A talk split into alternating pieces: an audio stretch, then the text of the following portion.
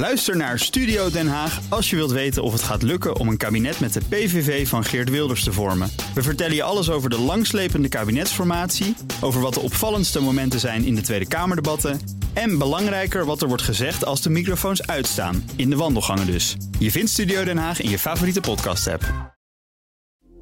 Dit is een BNR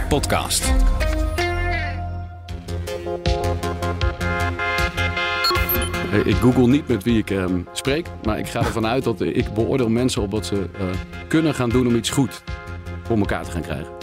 En in het begin ehm, ehm, eh, kreeg ik ook wat vaker commentaar: moet je nu wel met zo'n regime samenwerken? Ja, aan de andere kant, als het om, om, eh, om veiligheid gaat, dat was ook meteen wat Tom Middendorp tegen me zei. Kijk, als het een vredesproject wordt, dan ga je juist ook met dit soort militaire regimes praten om te kijken of je de veiligheid kan gaan verbeteren. Ja, en dat betekent gewoon vertrouwen opbouwen en daarheen gaan en, en, en het echt persoonlijk uitleggen wat je gaat doen. Ook heel duidelijk uitleggen wat je, wat je intentie is met het project. Uh, en ja, daarvoor zijn dit soort meetings heel belangrijk.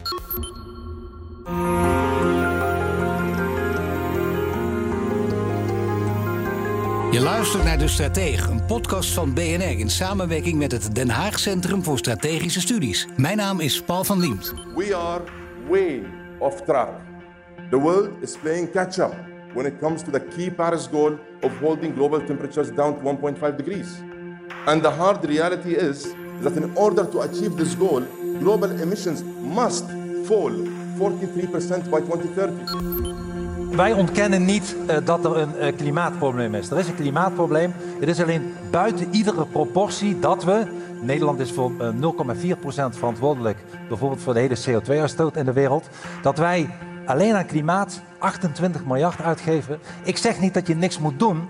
ik zou, kijk dan, dat heet zogenaamd die klimaatadaptatie. Kijk dan naar hoe je, de gevolgen, hoe je de gevolgen pakt. Can we as humans restore an ecosystem? Are we not manipulating it? And the funny thing is, if I have these discussions, I'm like, wait a minute, you're part of nature. It's nature letting us do this. we're not going to do it alone. We have to come together as a species.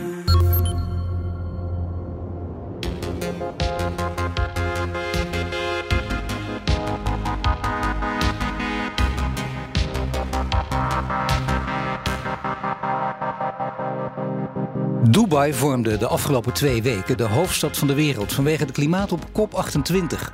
Politici, diplomaten, NGO's en ondernemers. Ze treffen elkaar daar allemaal.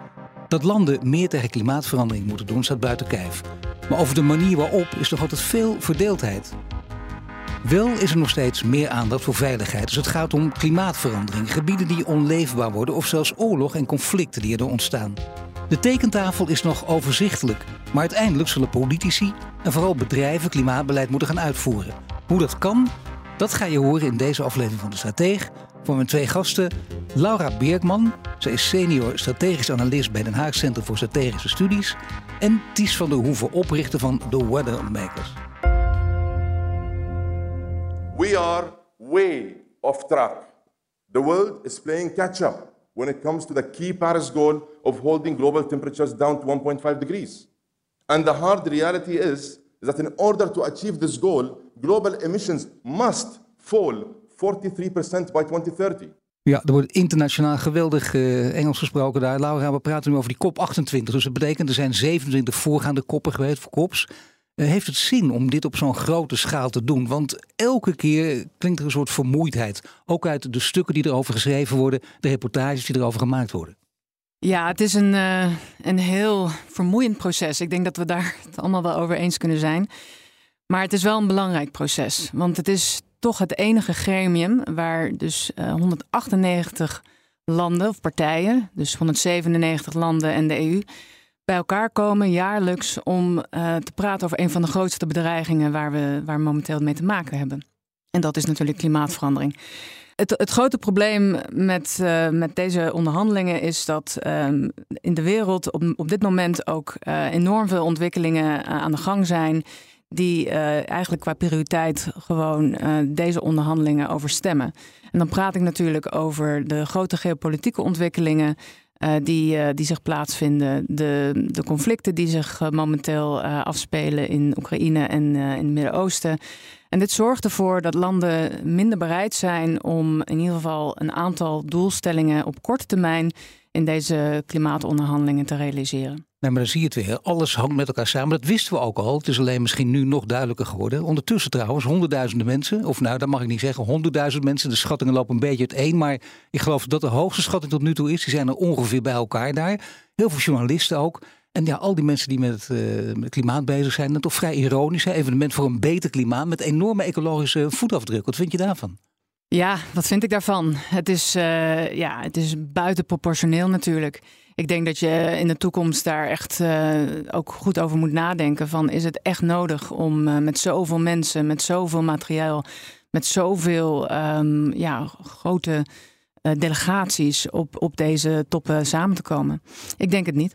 Dus voortaan zou je dat niet moeten doen. Je zou natuurlijk ook heel van die tops, dat merkt je ook. Hè, dat, dat kan heel goed gewoon op afstand. Dat hebben we tijdens corona ook gemerkt. En dan, ik, ik, ik sprak toen met iemand ook nog. Ik was in Dublin geweest, zei hij ook nog, die man.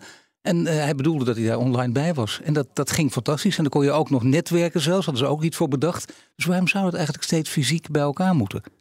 Ja, dat is een goede vraag. Uh, op dit moment uh, wordt het nog vooral ook gezien door veel um, gastheren of gastlanden als een, als een toch ook een, een kans om het bedrijfsleven aan te trekken hè, op allerlei onderwerpen het is echt wel een wheeling en dealing uh, ontmoeting. En uh, dat zie je ook. Uh, er komen enorm veel partijen om ja, samen om te kijken, kunnen we hier nog ja, een bepaalde voordelen uithalen. Een van de partijen zijn jullie, HCSS. Ja. Jij was er niet, hè, voor de duidelijkheid. Jij zit hier.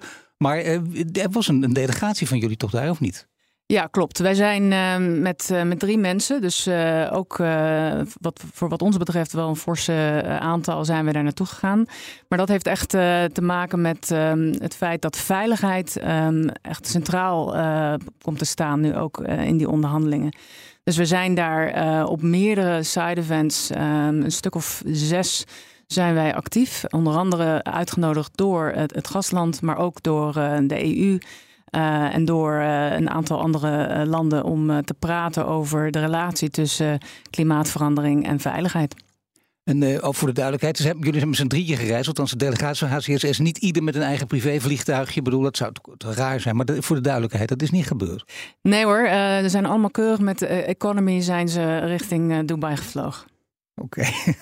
Ties, jij bent er ook dus geweest, hè, volgens mij, als uh, klimaatondernemer. Je wil even zien wat het is en meemaken, begrijp ik allemaal. Maar wat vind jij van, van die hele kop, met alle kritiek die daar ook uh, bij komt kijken? Ja, ik, ik, heb sowieso afgeleerd om ergens kritiek op te hebben. Maar ik denk wat ik um, met name zelf meemaakte, dit zijn zulke grote samenkomsten... waar ik als kleine ondernemer en, um, uh, en de initiatieven die wij proberen voor elkaar te krijgen... gewoon niet echt een plek heb. Dus ik kan er wel naartoe, maar ik kan er heel weinig voor elkaar krijgen.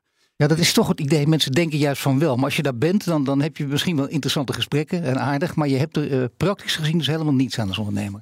Ja, voor mijzelf niet. Hè? Dus ik ben nee. zelf heel erg bezig om een heel groot ecologisch herstelproject uh, op te starten. En, uh, ik zit echt daar nog in de voorfase. En waarschijnlijk op het moment als we het voor elkaar krijgen, zal het er breed uitgemeten worden. Maar op voorhand heb ik daar heel weinig te zoeken. Maar toch is dat gek, want we gaan het nog niet helemaal verklappen. Dat mag je zo meteen zelf gaan doen. Maar als je over dat project gaat praten, het is heel groot, met enorme impact. Althans, dat kan het gaan hebben. Internationaal, uh, op allerlei gebieden kun je daar uh, hele mooie bijvoeglijke naamwoorden voor zetten. Die het nog groter maken. Dus ik zou zeggen, als mensen blijven luisteren, zullen ze het toch gek vinden eigenlijk. Dat, het, dat je daar geen aandacht voor kan krijgen.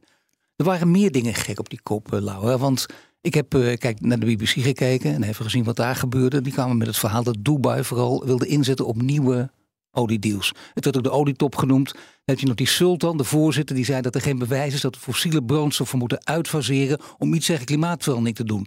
Later herstelde hij dat wel weer, maar toch, ik bedoel, dat is niet zomaar een slordigheidje. Dat alles bij elkaar, dat, dat, ja, dat zet het toch wel in een, in een soort raar, daglicht. Ja, het maakt het allemaal um, erg ingewikkeld. Ik denk dat, um, kijk, het is duidelijk dat er een, een, een boel verschillende belangen door elkaar spelen. En dat maakt akkoord op korte termijn op mitigatie en ook adaptatie uh, zeer ingewikkeld. Uh, je hebt landen die, die echt ambitieus zijn, oprecht. Um, ook de EU die wil echt um, gewoon op korte termijn gewoon die, die phase-out van fossiele brandstoffen echt realiseren. Maar je hebt ook heel veel industrielanden die, die daar anders naar kijken en die ook veel belang hebben naar het doorzetten van, van die fossiele industrie. En daar, ja, daar is Dubai of de Verenigde Arabische Emiraten toch een belangrijke partij in. Daar staat tegenover dat ze ook heel veel ambities hebben um, op, de, op de transitie. Dus daar proberen ze dus ook ja, veel ehm, nou ja, vergaande maatregelen te realiseren.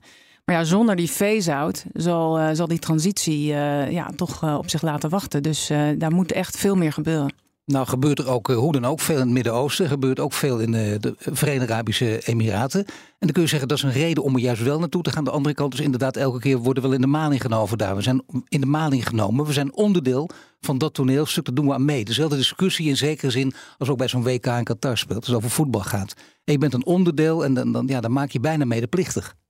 Ja, dat aan is... al die top.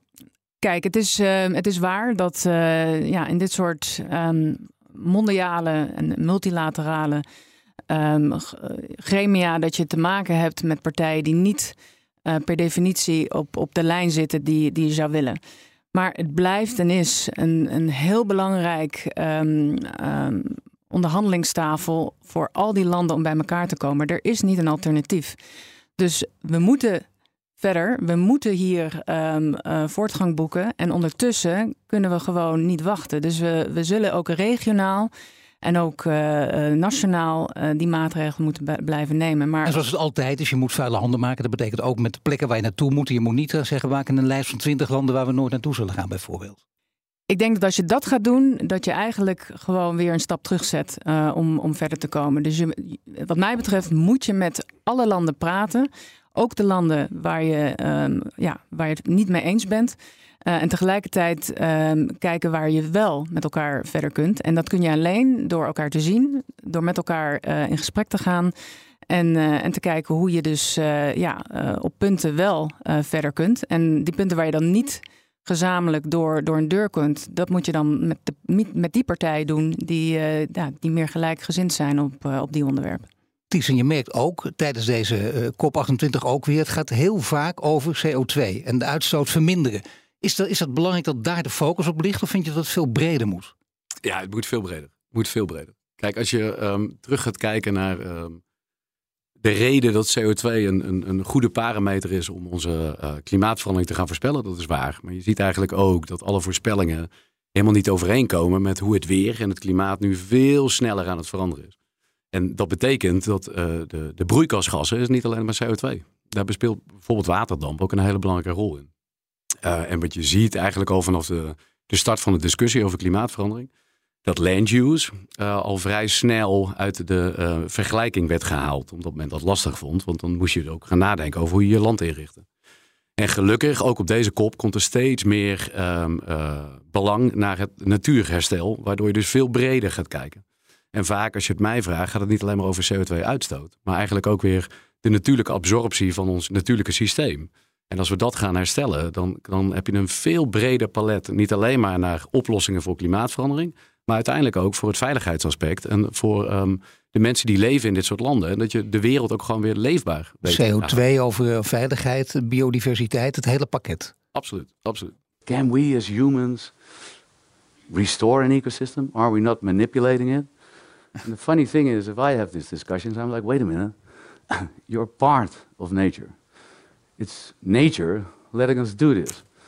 And we're not going to do it alone. We have to come together as a species. Ja, dan ben jij weer, uh, Ties, uh, acht voor Engels op school, denk ik. En uh, ja, een, een TED-talk is dit van jou. Er komt uiteindelijk een, een, een beleid hè, vanuit de politiek. Dat moet uitgevoerd worden door ondernemers of door de bedrijven. En een van die ondernemers ben jij natuurlijk in 2017, dat is al een jaar of zes geleden, ben je gestart met de Weathermakers. Wat is dat precies? Ja, voor de duidelijkheid, ik werkte bij een baggraag. Dus ik was veel bezig met uh, grote energieprojecten of grote havenprojecten. Ik, uh, uh, en ik was daar vooral bezig van hoe je dus gewoon grootschalig eigenlijk de wereld een beetje kan gaan veranderen. Dus je was wel, voor de duidelijkheid, wel met duurzaamheid bezig? Of juist niet? Ja, je had windmolens, maar ook juist niet hoor. Want ik was ik betrokken ja. in Dubai bij de. Uh, ik was de ontwerpmanager van een van de palmbomeilanden. Nou, dat had alles behalve uh, duurzaamheid in zich natuurlijk. Uh, alleen daar heb ik wel grootschalig leren denken. En toen ik werkte bij deze baggeraar, kregen we op een gegeven moment een vraag vanuit Egypte om na te denken over een heel groot, hele grote lagune. Waar met name naar de Arabische landen gewoon een, een veiligheidsprobleem was. En dat had te maken met dat de vis aan het verdwijnen was. En uh, nou, ik, ik kan wel redelijk vrij denken. En dat heeft zich uh, in de eerste zes weken eigenlijk helemaal uh, ontplooid tot een heel groot ecologisch herstelproject. Maar werd dat overigens gewaardeerd bij de baggeraar dat jij redelijk vrij kan denken? Nou, op het moment dat je kan vertellen dat er 2,5 miljard kubieke meter gebaggerd kan worden, dan, dan gaan de deuren wel open. Dus ja, hoor, dat werd, dat werd ja. absoluut wel ja. positief ontvangen. Ik gaf ze ook wel aan dat als ze niet opletten, dat we dan misschien wat minder windmolens gingen bouwen en misschien wat meer ecologisch herstel zouden gaan doen. Nou, daar keken ze me vooral een beetje gek aan. Maar nu, uh, zes, zeven jaar later, is dat wel echt duidelijk. Dat hier wel echt een hele grote toekomst ligt. Maar het had eigenlijk vooral een praktische reden. Dat je opeens een verre horizon voor je ziet. Omdat je denkt, wacht even, hier ligt echt iets in het verschiet. Hier moeten we wat mee doen. Ja, ja, ja, ik zeg normaal altijd, ik ben niet slim genoeg om een wetenschapper te worden. En ik hou graag van rekenen. En toen ik zelf gewoon begon met, met rekenen aan um, ecologisch herstel. En uiteindelijk moet je gewoon die ecologie zien als een soort natuurlijke waterhuishouding. Uh, en uh, verdamping uh, betekent afkoeling, dat is het weer. Dus op het moment als er water weer aanwezig is in een landschap, verander je het weer. En als je het weer verandert, tel het maar bij elkaar op, ga je het klimaat veranderen. Dus ik kwam er eigenlijk ook gewoon heel erg toevallig in terecht. En toen ontdekten we eigenlijk van, is het niet vreemd dat we ons niet veel meer richten op ecologisch herstel, omdat dat veel meer antwoorden geeft voor heel veel problemen die we hebben. Ja, en uiteindelijk is een van de antwoorden op de problemen een antwoord op de relatie klimaat en veiligheid. Dat heb je ook met dit project ontdekt? Ja, zeker. Dat, dat kwam wel pas echt later in het verhaal. Want uh, uiteindelijk begonnen we natuurlijk met het, uh, met project. De vraag kwam vanuit Egypte: kunnen we iets doen aan de veiligheid in dat gebied? Nou, het antwoord was voedselveiligheid natuurlijk. Uh, en toen na deze gekke geopolitieke periode in deze wereld, waar er allemaal oorlogen zijn ontstaan, betekende ook gewoon heel simpel dat Egypte veel minder buitenlandse valuta had, doordat de graanprijs heel duur werd voor de oorlog in Oekraïne. En kwam ik via via, um, kreeg ik het gesprek met Tom Middendorp en kwam ik bij HCSS uit. En toen bleek uiteindelijk, ik had het al langer in mijn hoofd, is het niet veel meer een vredesplan waar we mee bezig waren. En toen ja, linkte dat perfect aan. Maar het begon met Tom Middendorp. Het is toch interessant om daar even over uit te wijden, want je zegt dat dat gesprek met, maar dat gaat niet zomaar natuurlijk. Nee, nou ja, uiteindelijk... Of jullie komen op straat tegen? Nee, nee, nee, nee dat niet. Nee, uiteindelijk ben ik hier zes, zeven jaar mee bezig en, en het project heeft een behoorlijke uh, grote impact mogelijk op de wereld, waardoor uh, meerdere mensen er gevoelig voor zijn om daarover het gesprek aan aan te gaan. En zo kom ik via via bij Tom Middendorp uit. En hoe het allemaal precies werkt, hoe dat project in zijn werk gaat, hoe je die relatie kunt leggen tussen klimaat en klimaat, tussen klimaatverandering en veiligheid vooral, dat hoor je zo. Blijf luisteren. Ook Harm Edens vind je in de BNR-app. Je kunt BNR Duurzaam niet alleen live luisteren in de app, maar ook terugluisteren als podcast, zoals al onze podcasts. En naast dat de BNR-app Breaking News meldt, houden we je ook op de hoogte van het laatste zakelijke nieuws. Download nu de gratis BNR-app en blijf scherp. Ja, Ties, het komt er eigenlijk op neer. Uh, je laat het in, in de Sinaï weer regenen. En ik kan me voorstellen, als je dat in eerste instantie zegt tegen mensen die, die de achtergronden nog niet kennen, dat ze denken, uh, die man zal wel gek zijn, maar ik zal het uh, beleefdheidshalve niet hardop zeggen. Hoe, hoe ging dat? Hoe kun je mensen overtuigen? Ja, gewoon ergens je tanden inzetten en echt ergens in geloven natuurlijk. Nee, het begon uiteindelijk dat ik in, in, in zes, zeven weken tijd uh, dat hele bizarre verhaal had neergelegd. Dat als we het meer zouden gaan verdiepen, waardoor er weer meer vis zou kunnen komen. Dat we eigenlijk heel veel sapkaargronden zouden baggeren. Dus hele uh, fertiele gronden. Daar komt het woord baggeren ook vandaan. Hè. In de 11e eeuw is de baggerindustrie in Nederland ontstaan. Eigenlijk voor onze voedselveiligheid. Dus voor mij was die link eigenlijk vrij makkelijk gelegd. En vanuit daar gingen we eigenlijk kijken van hey, als we die gronden toch uh, gaan vast hebben, waarom gaan we er niet eens mee kijken of we er kunnen mee gaan vergroenen? En toen had ik uiteindelijk heb ik een schets gemaakt en toen ontdekte ik opeens, hey, ik teken volgens mij de watercyclus. En ging ik wat uh, lezen over de watercyclus. En toen bleek van, hey, dit is eigenlijk helemaal niet zo'n heel gekke pitch. En toen kwam ik via via John Liu tegen. En John Liu is een documentairemaker die 25 jaar lang de veranderingen van het lustplateau in China heeft gevolgd. Ja, en die man heeft mij onder zijn vleugels genomen. En die heeft me um, meegenomen naar China. Um, uh, laten zien wat, wat ze daar eigenlijk gedaan hebben. En ja, ik ben een baggeraar. En het enige wat ik daar zag van, hè, is gewoon grondverzet.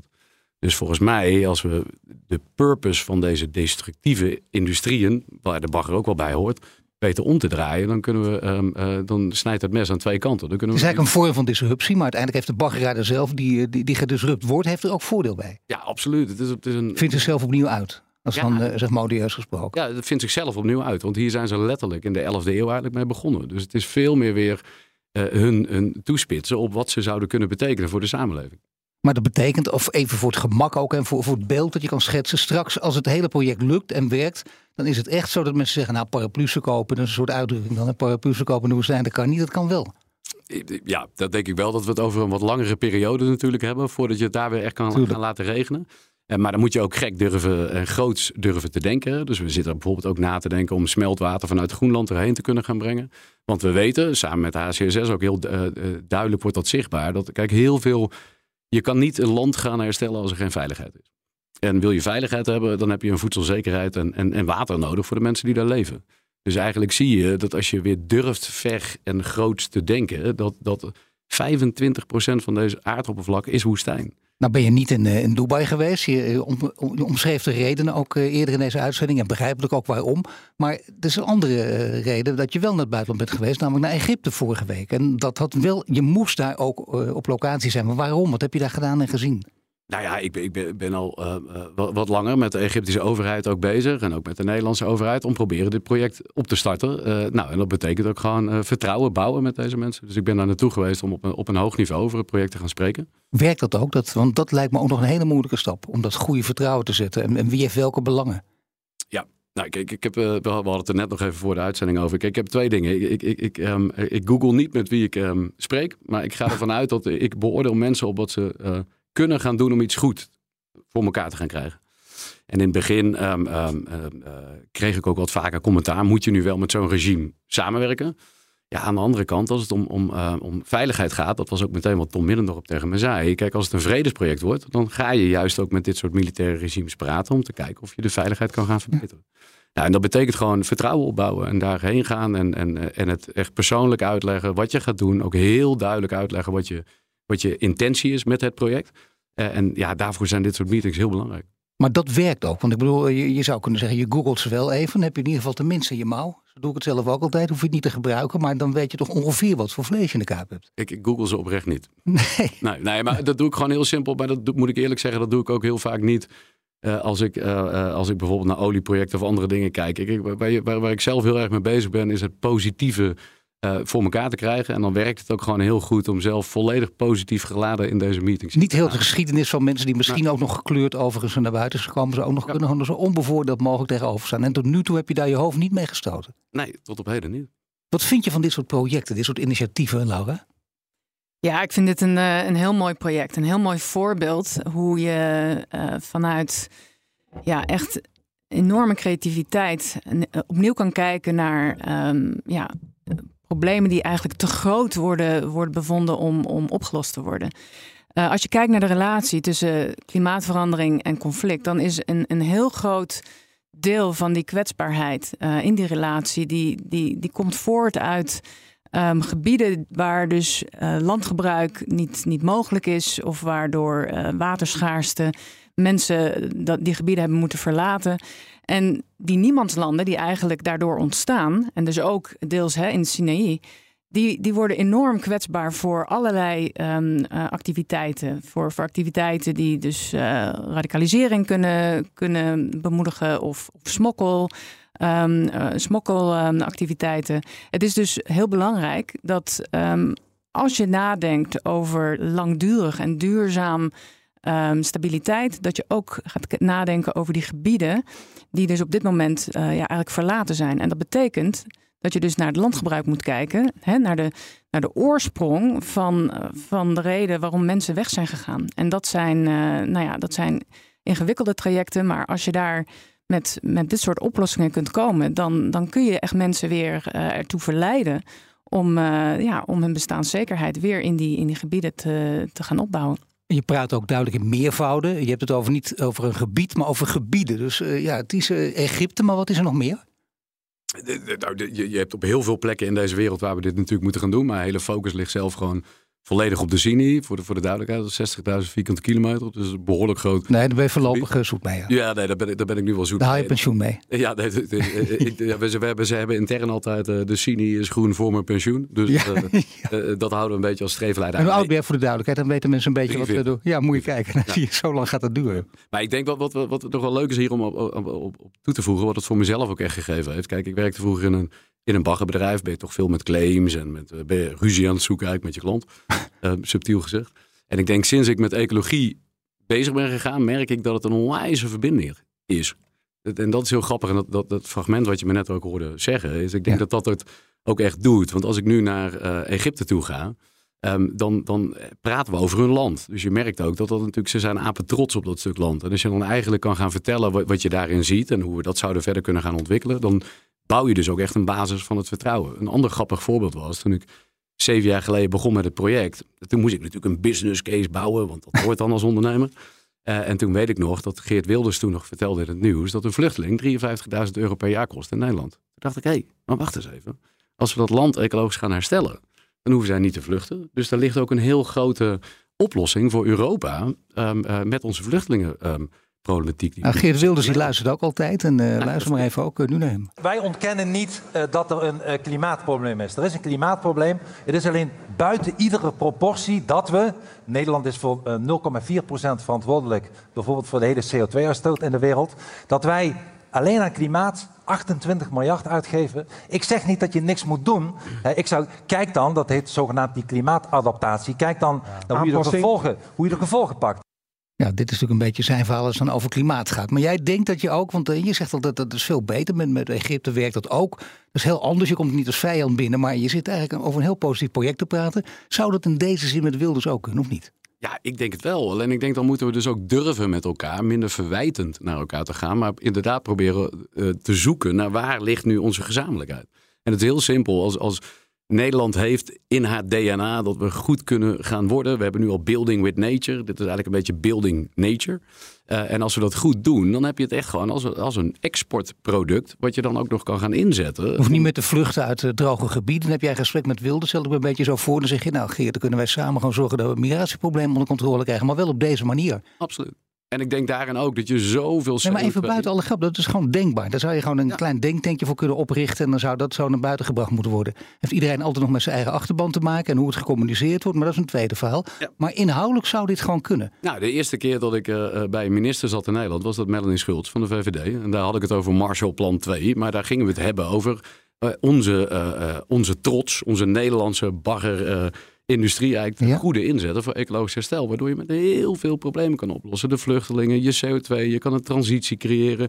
En ik denk dat dat heel belangrijk is naar die toekomst toe. En ik, wat ik zelf heb geleerd, is dat ecologie um, verbindt ons en iedereen. En in een ecologische oplossing wordt eigenlijk bijna iedereen een winnaar. En ik denk dat dat veel belangrijker is dan nu de hele tijd proberen te gaan wijzen of we wel of niet hoeveel CO2 we moeten. Maar het is toch echt heel interessant dat je dit zegt, doordat je het zo omschrijft. Want zie ik in de media ook, is ook het punt. Liefst wil je gewoon ook uh, partijen tegen elkaar, tegenover elkaar, antagonisten, en zie je wel een beetje uitspelen. En blijft het bij dat spel.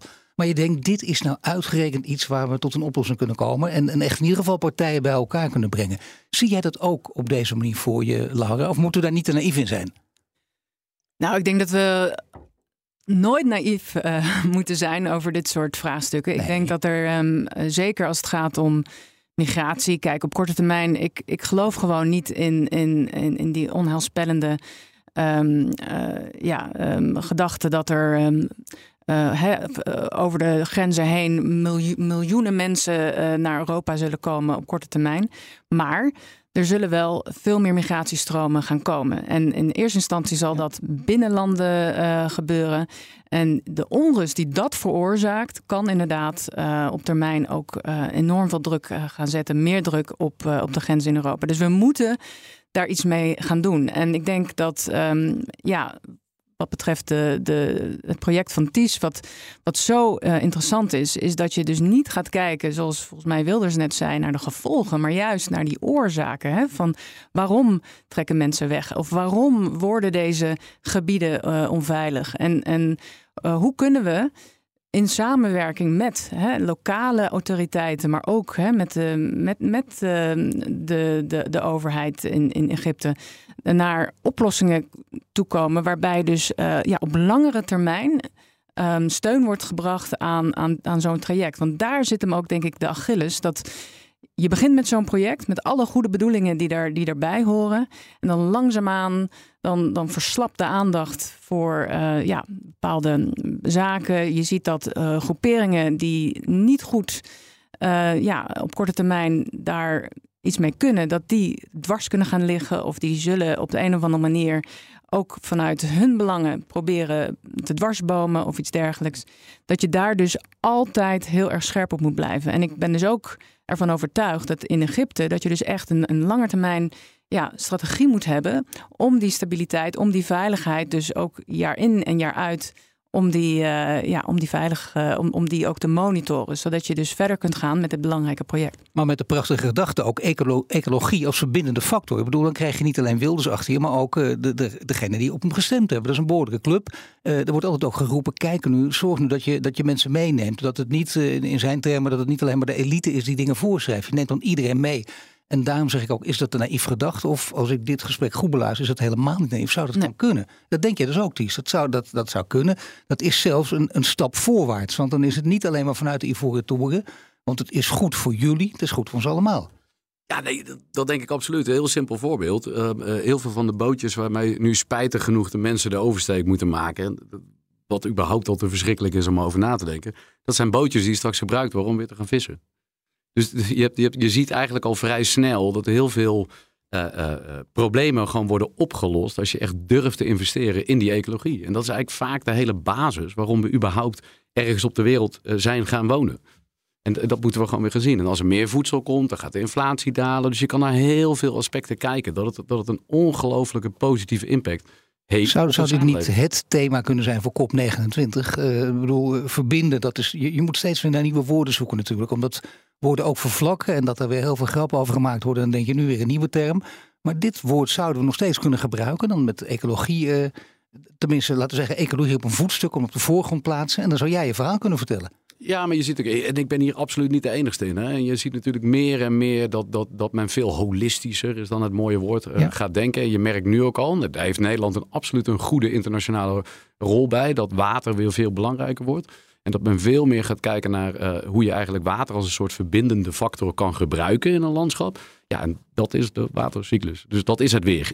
Tuurlijk, maar dat heb jij dus ook gemerkt in de praktijk. Ook met wat er in Egypte gebeurt. Je wordt inderdaad gezien als iemand die komt om dat mooie land uh, nog mooier te maken. En niet als een, uh, als een kolonis kolonisator. Nee, de, de, de, absoluut. Hè. Voor even, even, want dat was zeker in het begin ook heel snel. Hè, van dat ik het, het commentaar kreeg uh, als mensen me niet goed kenden van ja, ga je nou bepalen hoe die mensen daar moeten leven? Ja. Nee, voor de duidelijkheid, het is juist heel erg in, in de Sinië zelf heb je nog heel veel inheemse bevolking. Uh, en in hun cultuur uh, weten ze eigenlijk donders goed hoe vruchtbaar het land vroeger is geweest. Dus je gaat hun cultuur echt centraal zetten. En je moet vooral ervan afblijven om te gaan dicteren hoe zij dat moeten gaan leven. Nee, je gaat hun helpen, ook met de industriële capaciteit en vaak ook gewoon met financiën om een toekomstbeeld te kunnen schetsen die ze zelf moeten gaan invullen. Je werkt nu met HCSS samen omdat je vindt dat alle specialisten bij elkaar moeten komen. Als ik jou nu goed hoor, heb je nog veel meer specialisme nodig. Ook antropologen bijvoorbeeld, om je te verdiepen in de cultuur. Zo heb je een hele club nodig. Ja, ja, ja, ja, je hebt heel veel mensen nodig om dit op een goede manier te doen. Ja. Ik dank jullie voor dit gesprek. Ties van der Hoeven, oprichter van de Weathermakers... en Laura Beerkman, senior strategisch analist... bij Den Haag Centrum voor Strategische Studies. En wil je de stratege vaker beluisteren? Abonneer je meteen in je favoriete podcast-app... en tot de volgende keer.